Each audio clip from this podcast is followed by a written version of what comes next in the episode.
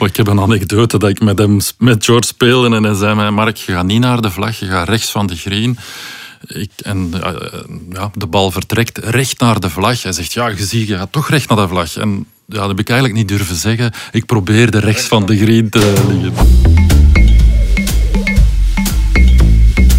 Je kent me misschien nog als doelman, als tv-commentator, presentator of je zag me alles op de golfbaan. De passie voor sport en het balgevoel hebben me nog steeds te pakken. Want ook ik ben helemaal gebeten door de golfmicroben. Mijn naam is Geert de Vlieger en in deze podcast duik ik dieper in onze fantastische sport. En dat doe ik niet alleen, samen met Mark Vernert, secretaris-generaal van Golf Vlaanderen en een hoop interessante gasten, pikken we er elke aflevering één thema uit.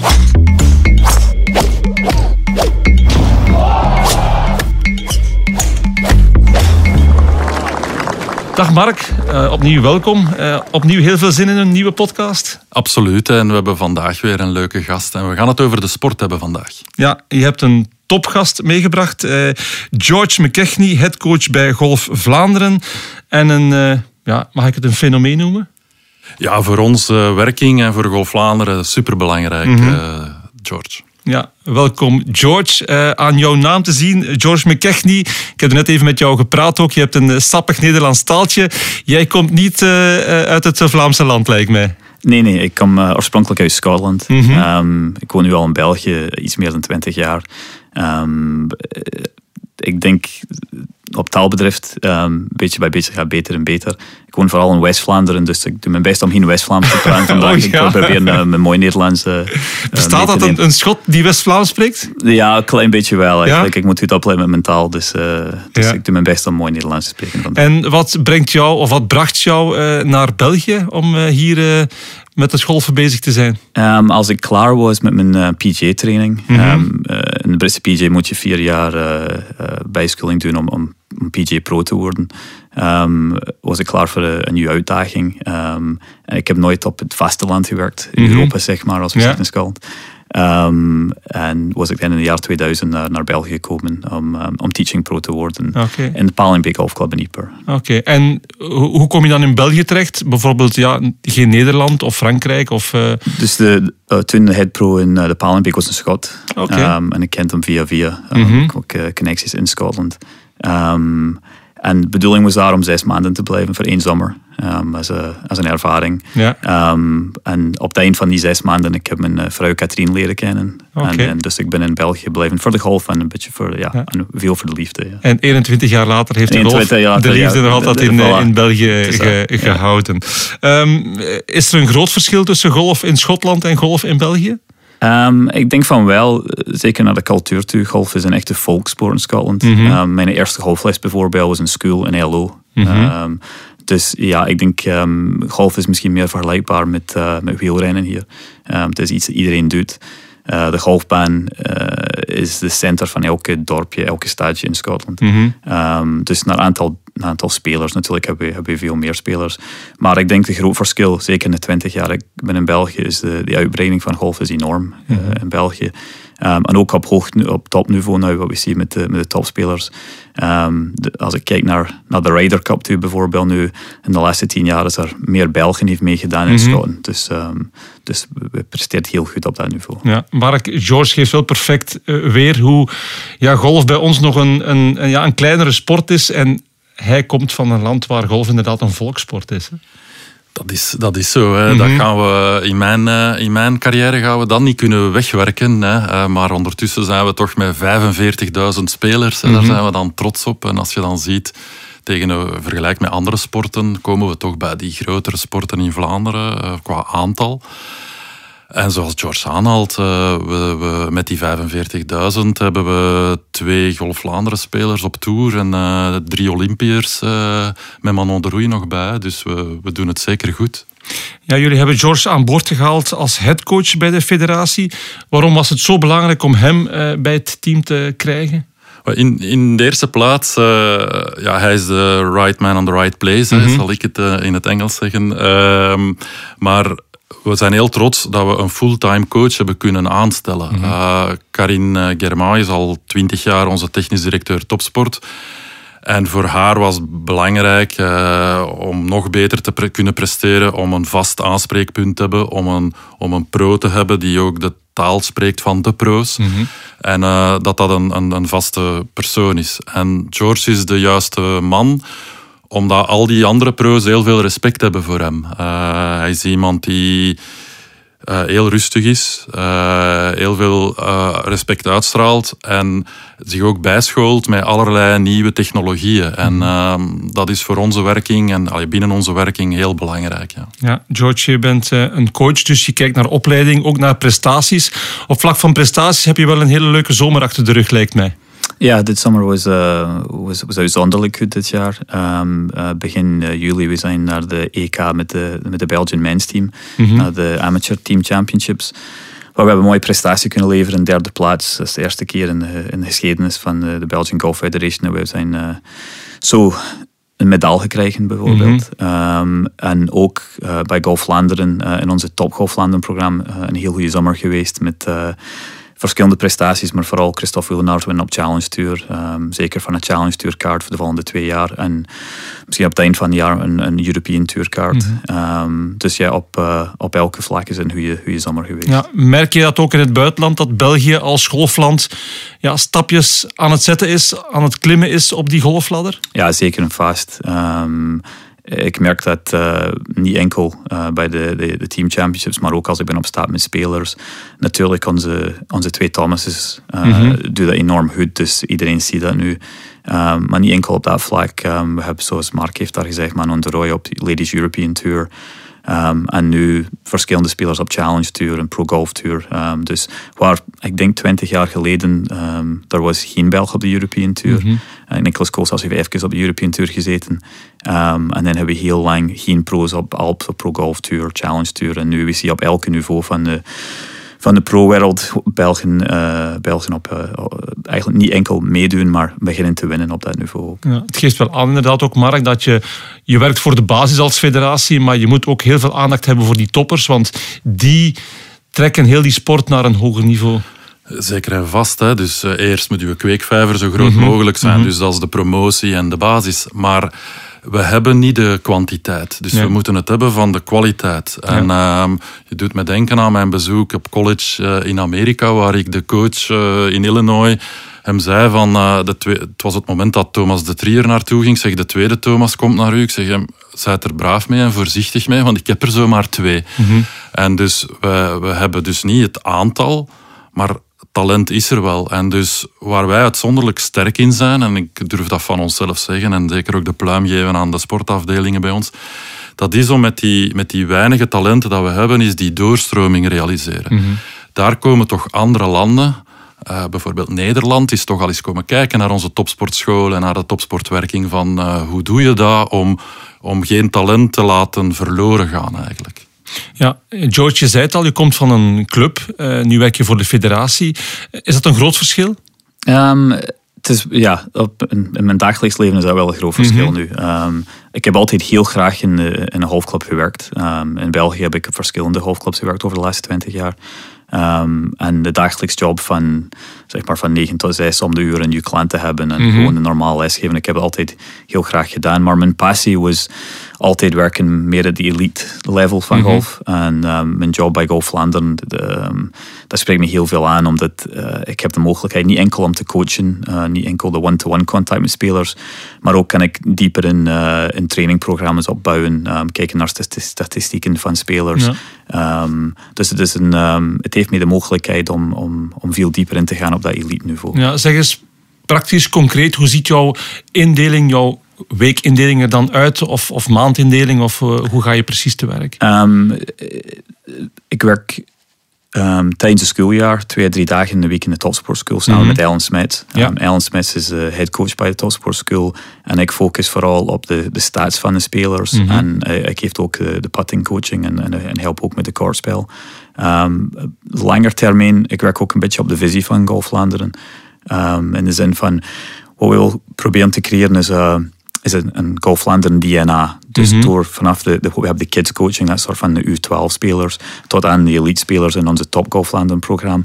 De, de, de DNA, de manier van werken is hetzelfde door het hele systeem. Ehm, ik denk dat is heel belangrijk naar de, naar de spelers toe, dat als je maakt progressie door onze, al onze prestatieprogramma's en ontwikkelingprogramma's, dat maakt niet uit van welke welke Golf Vlaanderen coach je werkt met, hebben hetzelfde, hetzelfde gevoel van hoe een trainingssession is gegeven. Ehm, dus ik denk dat is, meer, dat is ook een stukje van mijn, eh, van mijn wekelijkse werk.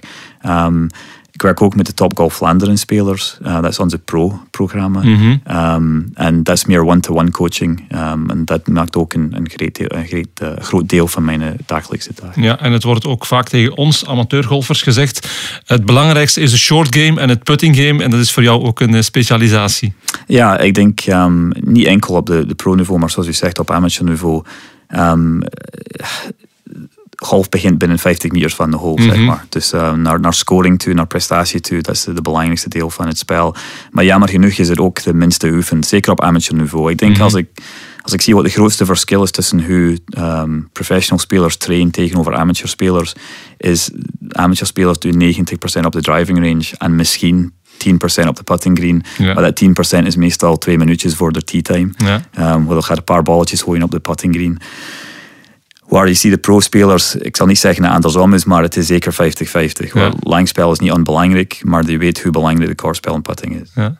Terwijl Mark het net als beginnende golfer zo leuk is om een bal over 200 meter op een bepaalde plaats te krijgen. Dat dat eigenlijk de oorsprong is waarom je gaat golfen. En dat je dan pas later vaststelt van oké, ja, maar hij moet wel in dat, eh, in dat kleine gaatje uiteindelijk. Ja, zo is het. Hè. Iedereen vindt dat natuurlijk tof, hè, van eh, 200 meter of 250 meter, hè, of ambitie te hebben om altijd maar verder. Maar het, moet ook, het is ook meer genieten, denk ik, en meer plezier hebben van je spel als het goed gaat. En dan komt dat scoren en uiteindelijk het balletje in het gaatje krijgen, eh, komt dan ook erbij kijken en, en wordt dat belangrijker en belangrijker. En je kan, George vertelt mij altijd graag anekdotes, je kan... eh, je kan efficiënt trainen. Dus zelfs al heb je misschien niet zoveel tijd, maar je kan dan wel aan bepaalde dingen denken om die efficiëntie te zoeken. Ja, we gaan hier straks op door en ik zit nu al op het puntje van mijn stoel om meer te weten hierover. Maar eerst gaan we even naar Karel Dieriks. Die staat momenteel bij James van Peak Performance. En na deze update kunnen we alvast heel trendy gekleed de green op.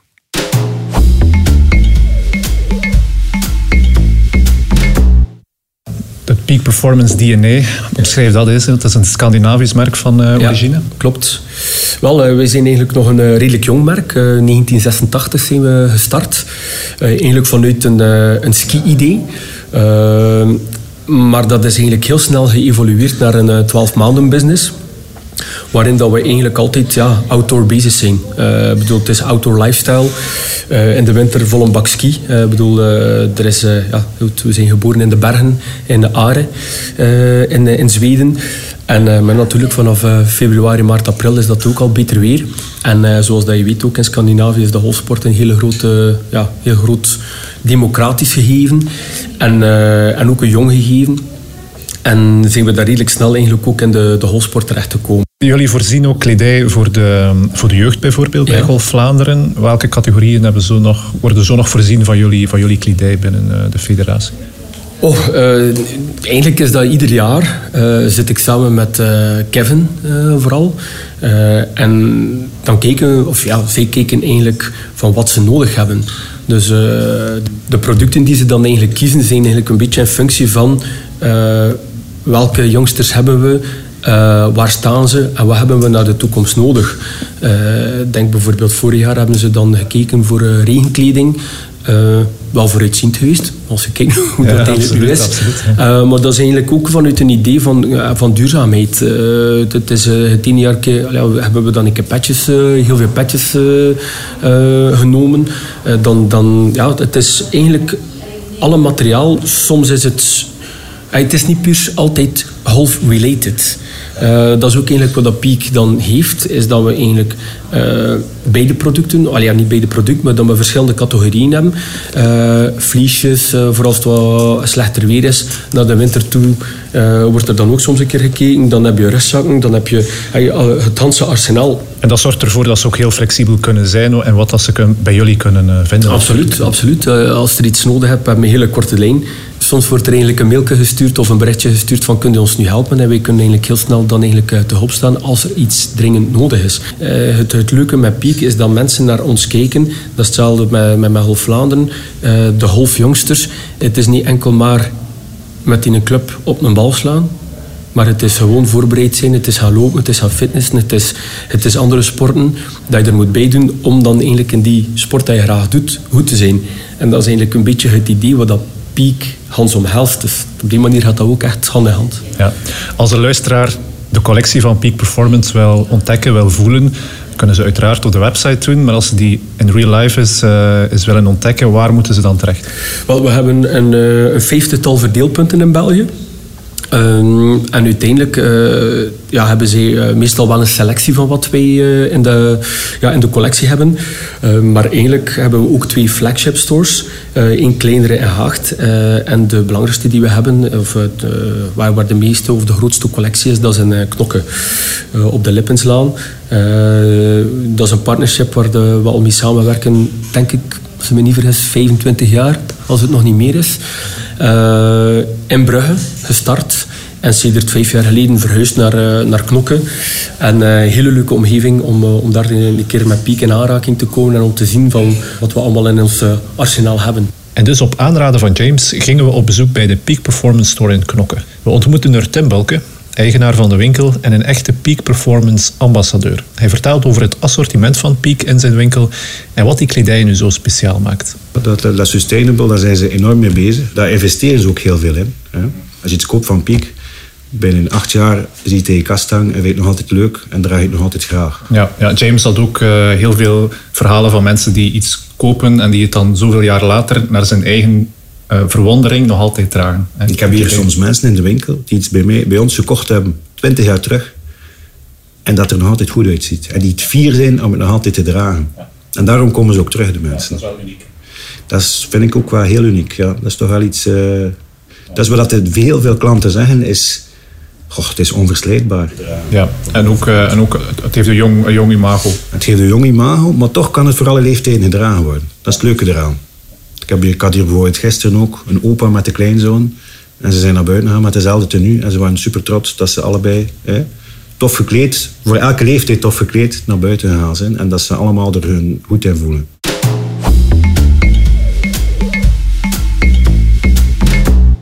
Bedankt Karel. Vestimentair kunnen we alvast scoren op de golfbaan. Maar ik denk dat George ook nog wel wat tips heeft om sportief hoge uh, toppen te scheren. George, jij bent vooral bezig met data en, en metingen. Uh, vertel eens, waar ligt volgens jou nog een, een grote ruimte om beter te worden als het op golfen aankomt? Um, ik denk de, de foutmargin voor, um, voor meest uh, topgolfers, zeker als ik spreek over pro-niveau, ligt uh, nog altijd in putting. En zoals ik zeg dan net over dat, binnen dat 50 meter. Mm -hmm. um, ik denk op topniveau, uh, ik spreek nu meer over de pro's, um, we gebruiken enorm veel stats om te kijken naar waar de sterktes en zwaktes van een speler is. Um, mm -hmm. En in putting dat ligt meestal in, uh, in verschillende afstanden van de hole. Um, dus we focussen enorm veel van binnen 2 meter van de hole en enorm veel van buiten 6, 7 meter van de hole. Um, die afstand tussen 2 meter en 6 meter zal niet onbelangrijk zijn, maar wie weet, uh, just door de, de, mogelijkheid die je kan een pad holen van binnen 4 of 5 meters is, is eigenlijk is heel, heel klein. Mm -hmm. um, van 5 meters een tuurspeler maakt 12 à 13 procent van de, de putts vanaf de afstand. Dus bijvoorbeeld, uh, ik weet niet wat uw handicap is, Geert. 11,5. Dus bijvoorbeeld als u speelt tegen um, Thomas Peters op de putting mm -hmm. green en ik geef u een 9 hole putt challenge, maar elke put is van 6 meter van de hole. De kans is groot dat je gaat gelijk spelen tegen Thomas over okay. 9 holes. Misschien gaat hij winnen bij één, misschien ja. twee shots. Maar als ik zet u van anderhalf meter en je speelt 9 mm -hmm. holes, Thomas gaat altijd winnen bij drie of vier shots. Okay. Um, dus de tuurspelers focussen enorm veel van binnen net 2 meter afstand, omdat mm -hmm. het heel belangrijk is. En buiten de 6 meter, omdat dat is waar je moet geen drie putts maken. En wat ik zie heel vaak bij amateur golfers is als ze gaat op de putting green, meestal nemen drie balletjes mee. Het is altijd drie, ik weet niet waarom. Het, is, het is nooit één, het is altijd nee. drie. Um, dus de eerste bal is voor niks. Je kunt zien de lijn van de put. De tweede ja. bal wordt een beetje beter. En de derde bal wordt erin. Ik denk, oké, okay, ik ben nu bezig vandaag, want de derde put gaat in de hole. Maar die oefenen meestal op de putting green van tussen de 4 en 8 meters. En eigenlijk, dat is die afstand waar die zijn eigenlijk goed bezig. Meestal dan maak ik altijd twee putts van de afstand. Dus er is nooit, een beetje zoals Mark zegt, er is, er is geen efficiëntie in hoe die trainen. Um, dus ik denk de, op dat bedrijf, maakt niet uit een pro-speler of een amateur-speler, als we spreken over putting, de focus, de aandacht moet op binnen de twee meter en buiten de zes meter zijn. Natuurlijk, als je wordt goed in die afstand en de putts tussen twee en zes meter wordt ook beter. Um, dus naar putting toe, er is heel veel focus daarop. Als we gaan dieper in staat zijn we ook kijken naar, naar breaking putts toe. De meeste spelers heeft een voorkeur voor links naar rechts of rechts naar links. Nou, kijk, waarom is dat? Dat is vaak te maken met uh, dominant oogpositie, um, Mhm. hoe die leest de lijn. Um, ik denk naar kortspel toe. Um, de verschil tussen een chipshot en een pitchshot is ook heel belangrijk. Bij chipping, als ik spreek over chipping, we liggen heel dicht bij de green, binnen de 10 meters van de green. Um, dat is een heel belangrijk shot, want dat is werkelijk de posities waar de tourspelers al min of meer altijd een chip en een pad kunnen maken.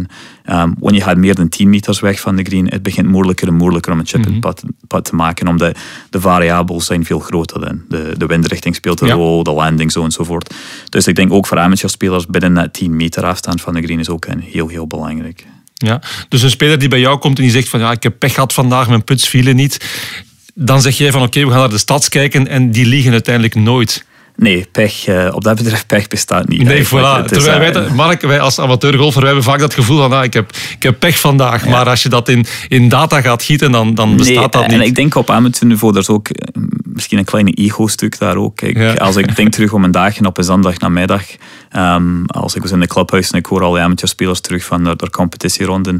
Ik heb nooit iemand gezegd, ik was heel slecht met de driver vandaag. Het is altijd, ik heb niet goed gepakt vandaag. Mhm. Ja. Dus, uh, dus ja, dat... Uh, En de excuses, hè. het ligt ook wel al iets anders dan. Ja. Hè. Het, het, zijn, het is geprikt of de greens Ja. waren of de pinpositie stond slecht.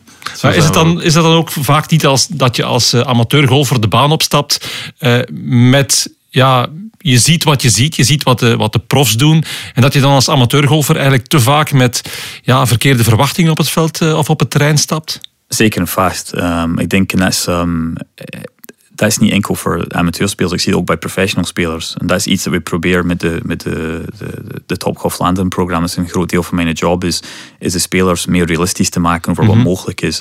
Um, ik zie zo vaak uh, op, op pro- of amateur niveau een speler bijvoorbeeld van 100 meters van de green met een pitching wedge. En die slaan de bal 6, 7 meters van de hole. En je ziet de soort van de hoofd gaat beneden of die gooien de klap terug in mm -hmm. de golftas. En ik denk wel, op tour average 6 meter is eigenlijk een redelijk goede bal. Ja, klopt. Um, maar dat idee van nee, het moet naast de flag liggen, ik zeg, dat is onrealistisch. Um, we, kijk, we moeten altijd naar de gemiddelde kijken. Je kunt niet altijd kijken naar je beste bal, maar ik denk de gemiddelde golfer focust enkel over wat de beste prestatie was geweest. Mhm. Mm -hmm. En ik denk het moet altijd zo zijn, wat natuurlijk is, is onmogelijk. Niet alleen over zijn eigen beste prestatie, maar ja, we kijken allemaal naar de highlights hè, van een ronde. Dus we zien ook altijd die supershots. Mhm. Mm -hmm. En, en, dat geeft dan ergens verkeerde verwachtingen en dan ben je niet realistisch. Maar ook een pro mist al eens de green van op 100 meter. Ja. Ja. Maar dat is wel een beetje eigen aan de golfsport, vind ik dan ook zelf als speler. Dat je eigenlijk naar je handicap ook. Je wil altijd jouw beste handicap spelen. Je wil altijd beter spelen. Je wil altijd die beste put maken. Dus je moet ook qua mindset eigenlijk als golfer kunnen zeggen van oké, okay, ik ga mijn gemiddelde spelen vandaag en dan moet ik of dan ben ik tevreden. Dat is wel niet makkelijk natuurlijk. Ja, en ik denk dat ik denk voor amateur golfers, um, ik denk de tactiek van hoe die spelen baan op dat betreft is heel belangrijk. Mhm. Mm -hmm. Ik denk uh, een gameplan maken voor je begint is niet echt iets dat gedaan wordt in, in de amateur golf, waarbij de pro golf golfers zal altijd een, een, een, een, strategie hebben voor elke golfbaan. Um, en als je kijkt hoe bijvoorbeeld Hudel speelt een, een par 3 hole, um, dat is iets uh, dat we werken heel vaak met pro-spelers. In golf, de enige tijd je hebt eigenlijk de, de situatie in je eigen handen is op een par 3. Je kunt tee de bal op, je hebt één shot naar de green toe. Mhm. Mm -hmm. Dus bijvoorbeeld een voorbereiding voor een wedstrijd, als je hebt vier par 3's, dan is tussen de 20 en 25 procent van de Hanse baan je kunt daar voorbereiden de, week, de weken daarvoor als het een belangrijke wedstrijd is, als je weet wat de afstand van die paar drie zijn. So, we, we, we, maken spelletjes op Trackman, dat is een, mm -hmm. uh, een radar system waar we kunnen kijken werkelijk hoe ver de carry van de bal is. Dus het is een beetje zoals een voetbal met een set-piece situatie. Ja, je kunt ja. daar enorm veel, uh, uh, enorm veel voorbereiden voor die situaties. Um, en ook weten, als ik mis de green op dat par 3, kan ik beter op de rechterkant missen, want de chip is gemakkelijker vanuit die Mhm. mm -hmm. kant. Dus je geeft jezelf meer foutmarge op die kant van de green.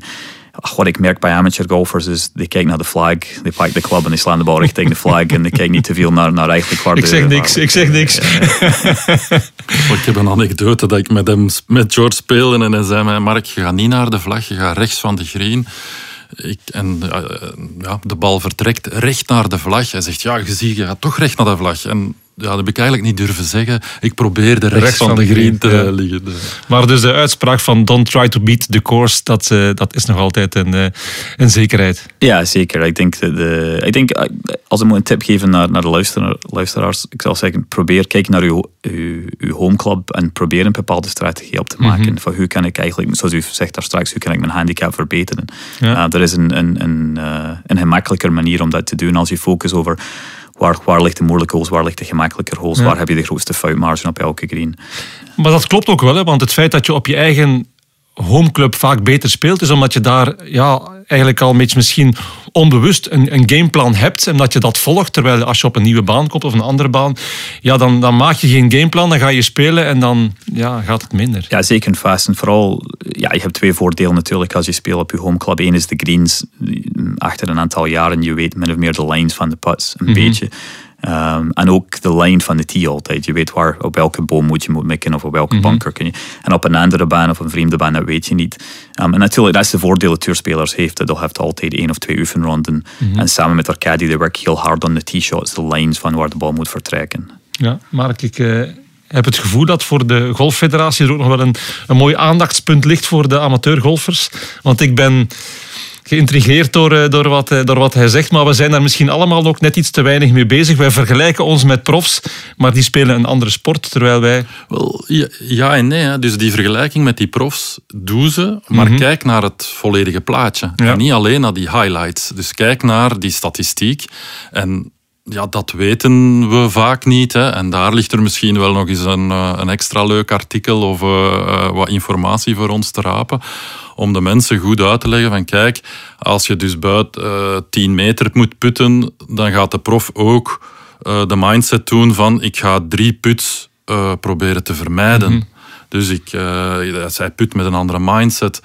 Uh, maar ook hij maakt dan, hij, hij en zij, bij de, ook bij de dames, maken mhm. ze dan wel al eens een drieput. Dus laat dat je ronde niet vergallen. En dat is toch het, het, het, het motto of de doel, doelstelling van Golf Vlaanderen, is om meer plezier te hebben. We willen meer uh, lachende gezichten en uh, glimlachen zien op de golfbaan. Ja. George, puur statistisch gezien, ik heb handicap 18 en ik lig op 100 meter van de green. Hoe groot is de kans procentueel gezien dat ik op die green lig? En wat is dat vergeleken met een prof bijvoorbeeld? Ik denk, de pro-spelers werken min of meer op een 5% rule. Dus wat dat betekent is, de, de total afstand, die probeert binnen 5% te liggen van de holes. Op 100 meters, dan 5 meter shot is een, is een heel goede bal. Dat, is, super. Ja. Um, dus als ik vergelijk dat met de handicap 18-speler, Um, als ik geef training aan dat niveau van spelers, en meestal wel werken op 10% to 15%. Mm -hmm. Dus op 100 meters, als je ligt 10 meters van de hole, ik zal zeggen, je hebt je job gedaan. Ja. Ook al ligt die ligt net buiten de green. Ja, voilà. ja. Maar dan uw mikpunt is verkeerd. Dus bijvoorbeeld, als de flag ligt 5 meters rechts van de rechterkant van de green, mm -hmm. zoals Mark zegt dan net, dan uw job is niet naar de flag te mikken. Uw job is naar de middel van de green te mikken. Dus je geeft jezelf dat 10 meters, zo je hebt 10 meters rechts, 10 meters links. Mm -hmm. Dus je bal ligt dan op de green als je hebt goed gemikt natuurlijk. Iedereen kan een slechte bal slaan, maar je geeft jezelf een veel grotere kans om de bal op de green te liggen. Mm -hmm. um, omdat we weten voor amateurspelers en ook voor pro's, de kans dat je maakt twee putts vanuit, van op de green is veel groter mhm. dan dat je maakt een chip en een ook als je ligt dichterbij. Dus ik denk je moet proberen de green zo groot als mogelijk te maken op mhm. dat niveau.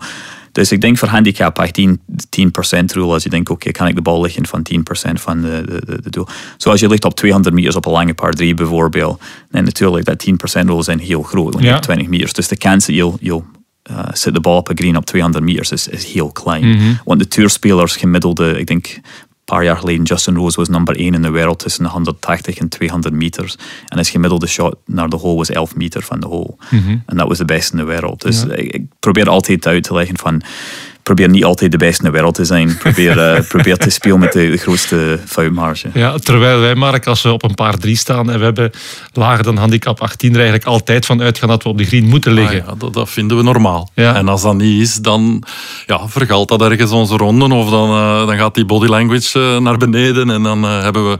En ja, wij willen meer besef voor die statistieken, dus meer plezier in de mhm, golf. Mm En zijn de, de nieuwe generatie pro-golfers daar mee bezig ook met die statistieken, met die metingen? Beseffen zij ook hoe belangrijk dat is? Ja, veel meer. Ik zie het mm meer en meer nu. Want uh, in onze topsportschool, de spelers werken allemaal met een statsprogramma. Mm dus elke maand we doen een review van de statistieken. En we, eigenlijk, we maken dat trainingprogramma gebaseerd op, gebaseerd op de sterktes en de zwaktes van, dat, mhm. van, dat, van die stats. En ook de pro-spelers nu, heeft, uh, die weet veel meer waar die moet trainen, waar die moet opletten. En het heeft hem ook meer informatie voor de shot naar de green op de baan. Die weet de mogelijkheid, hoe dicht kan ik bij de flag liggen. Mhm. Um, dus er is meer soort van uh, calculated risks. Je, je weet... En het kan hen ook een stuk mentale rust bezorgen op de baan. Dat ze weten van oké, ik hoef niet altijd daar per se te liggen om goed te liggen. In principe wel. Ja. In principe wel. Dat lukt niet altijd natuurlijk. De verwachtingspatroon is meestal nog altijd een tikkeltje hoger dan het moet zijn. Maar, en dat is niet fout. Hè. Op dat niveau dat moet ook zo. Maar dat is dan weer een ander aspect van golfen. Je hebt, het, je hebt de statistieken, je hebt de metingen en je hebt het, ja, het mentale, het psychologische aspect natuurlijk. Ja, zeker en vast. En ik denk de twee gaat samen. Hè. Dus um, ook met die staatsprogramma werk je heel veel samen met de sportpsychologist over de spelers mm van uh, wijs te maken van wat, uh, wat mogelijk en niet mogelijk is. Toch geen makkelijke sport, Mark, golf? Nee, dat heeft uh, niemand beweerd. Hè. Zo, de tijd vloog letterlijk voorbij. Ik trek alvast met een pak nieuwe inzichten de golfbaan op. En hopelijk kan ik op een goede dag toch wat van die statistieken verslaan. Dit was de vijfde aflevering van deze podcastreeks. Mark, bedankt alweer voor deze zeer fijne gast mee te brengen naar onze studio. Bedankt, George McKechnie. Ook jullie luisteraars bedank ik graag. Als je zelf nog specifieke vragen of thema's hebt voor deze podcast, mag je deze altijd delen via podcast.golfvlaanderen.be.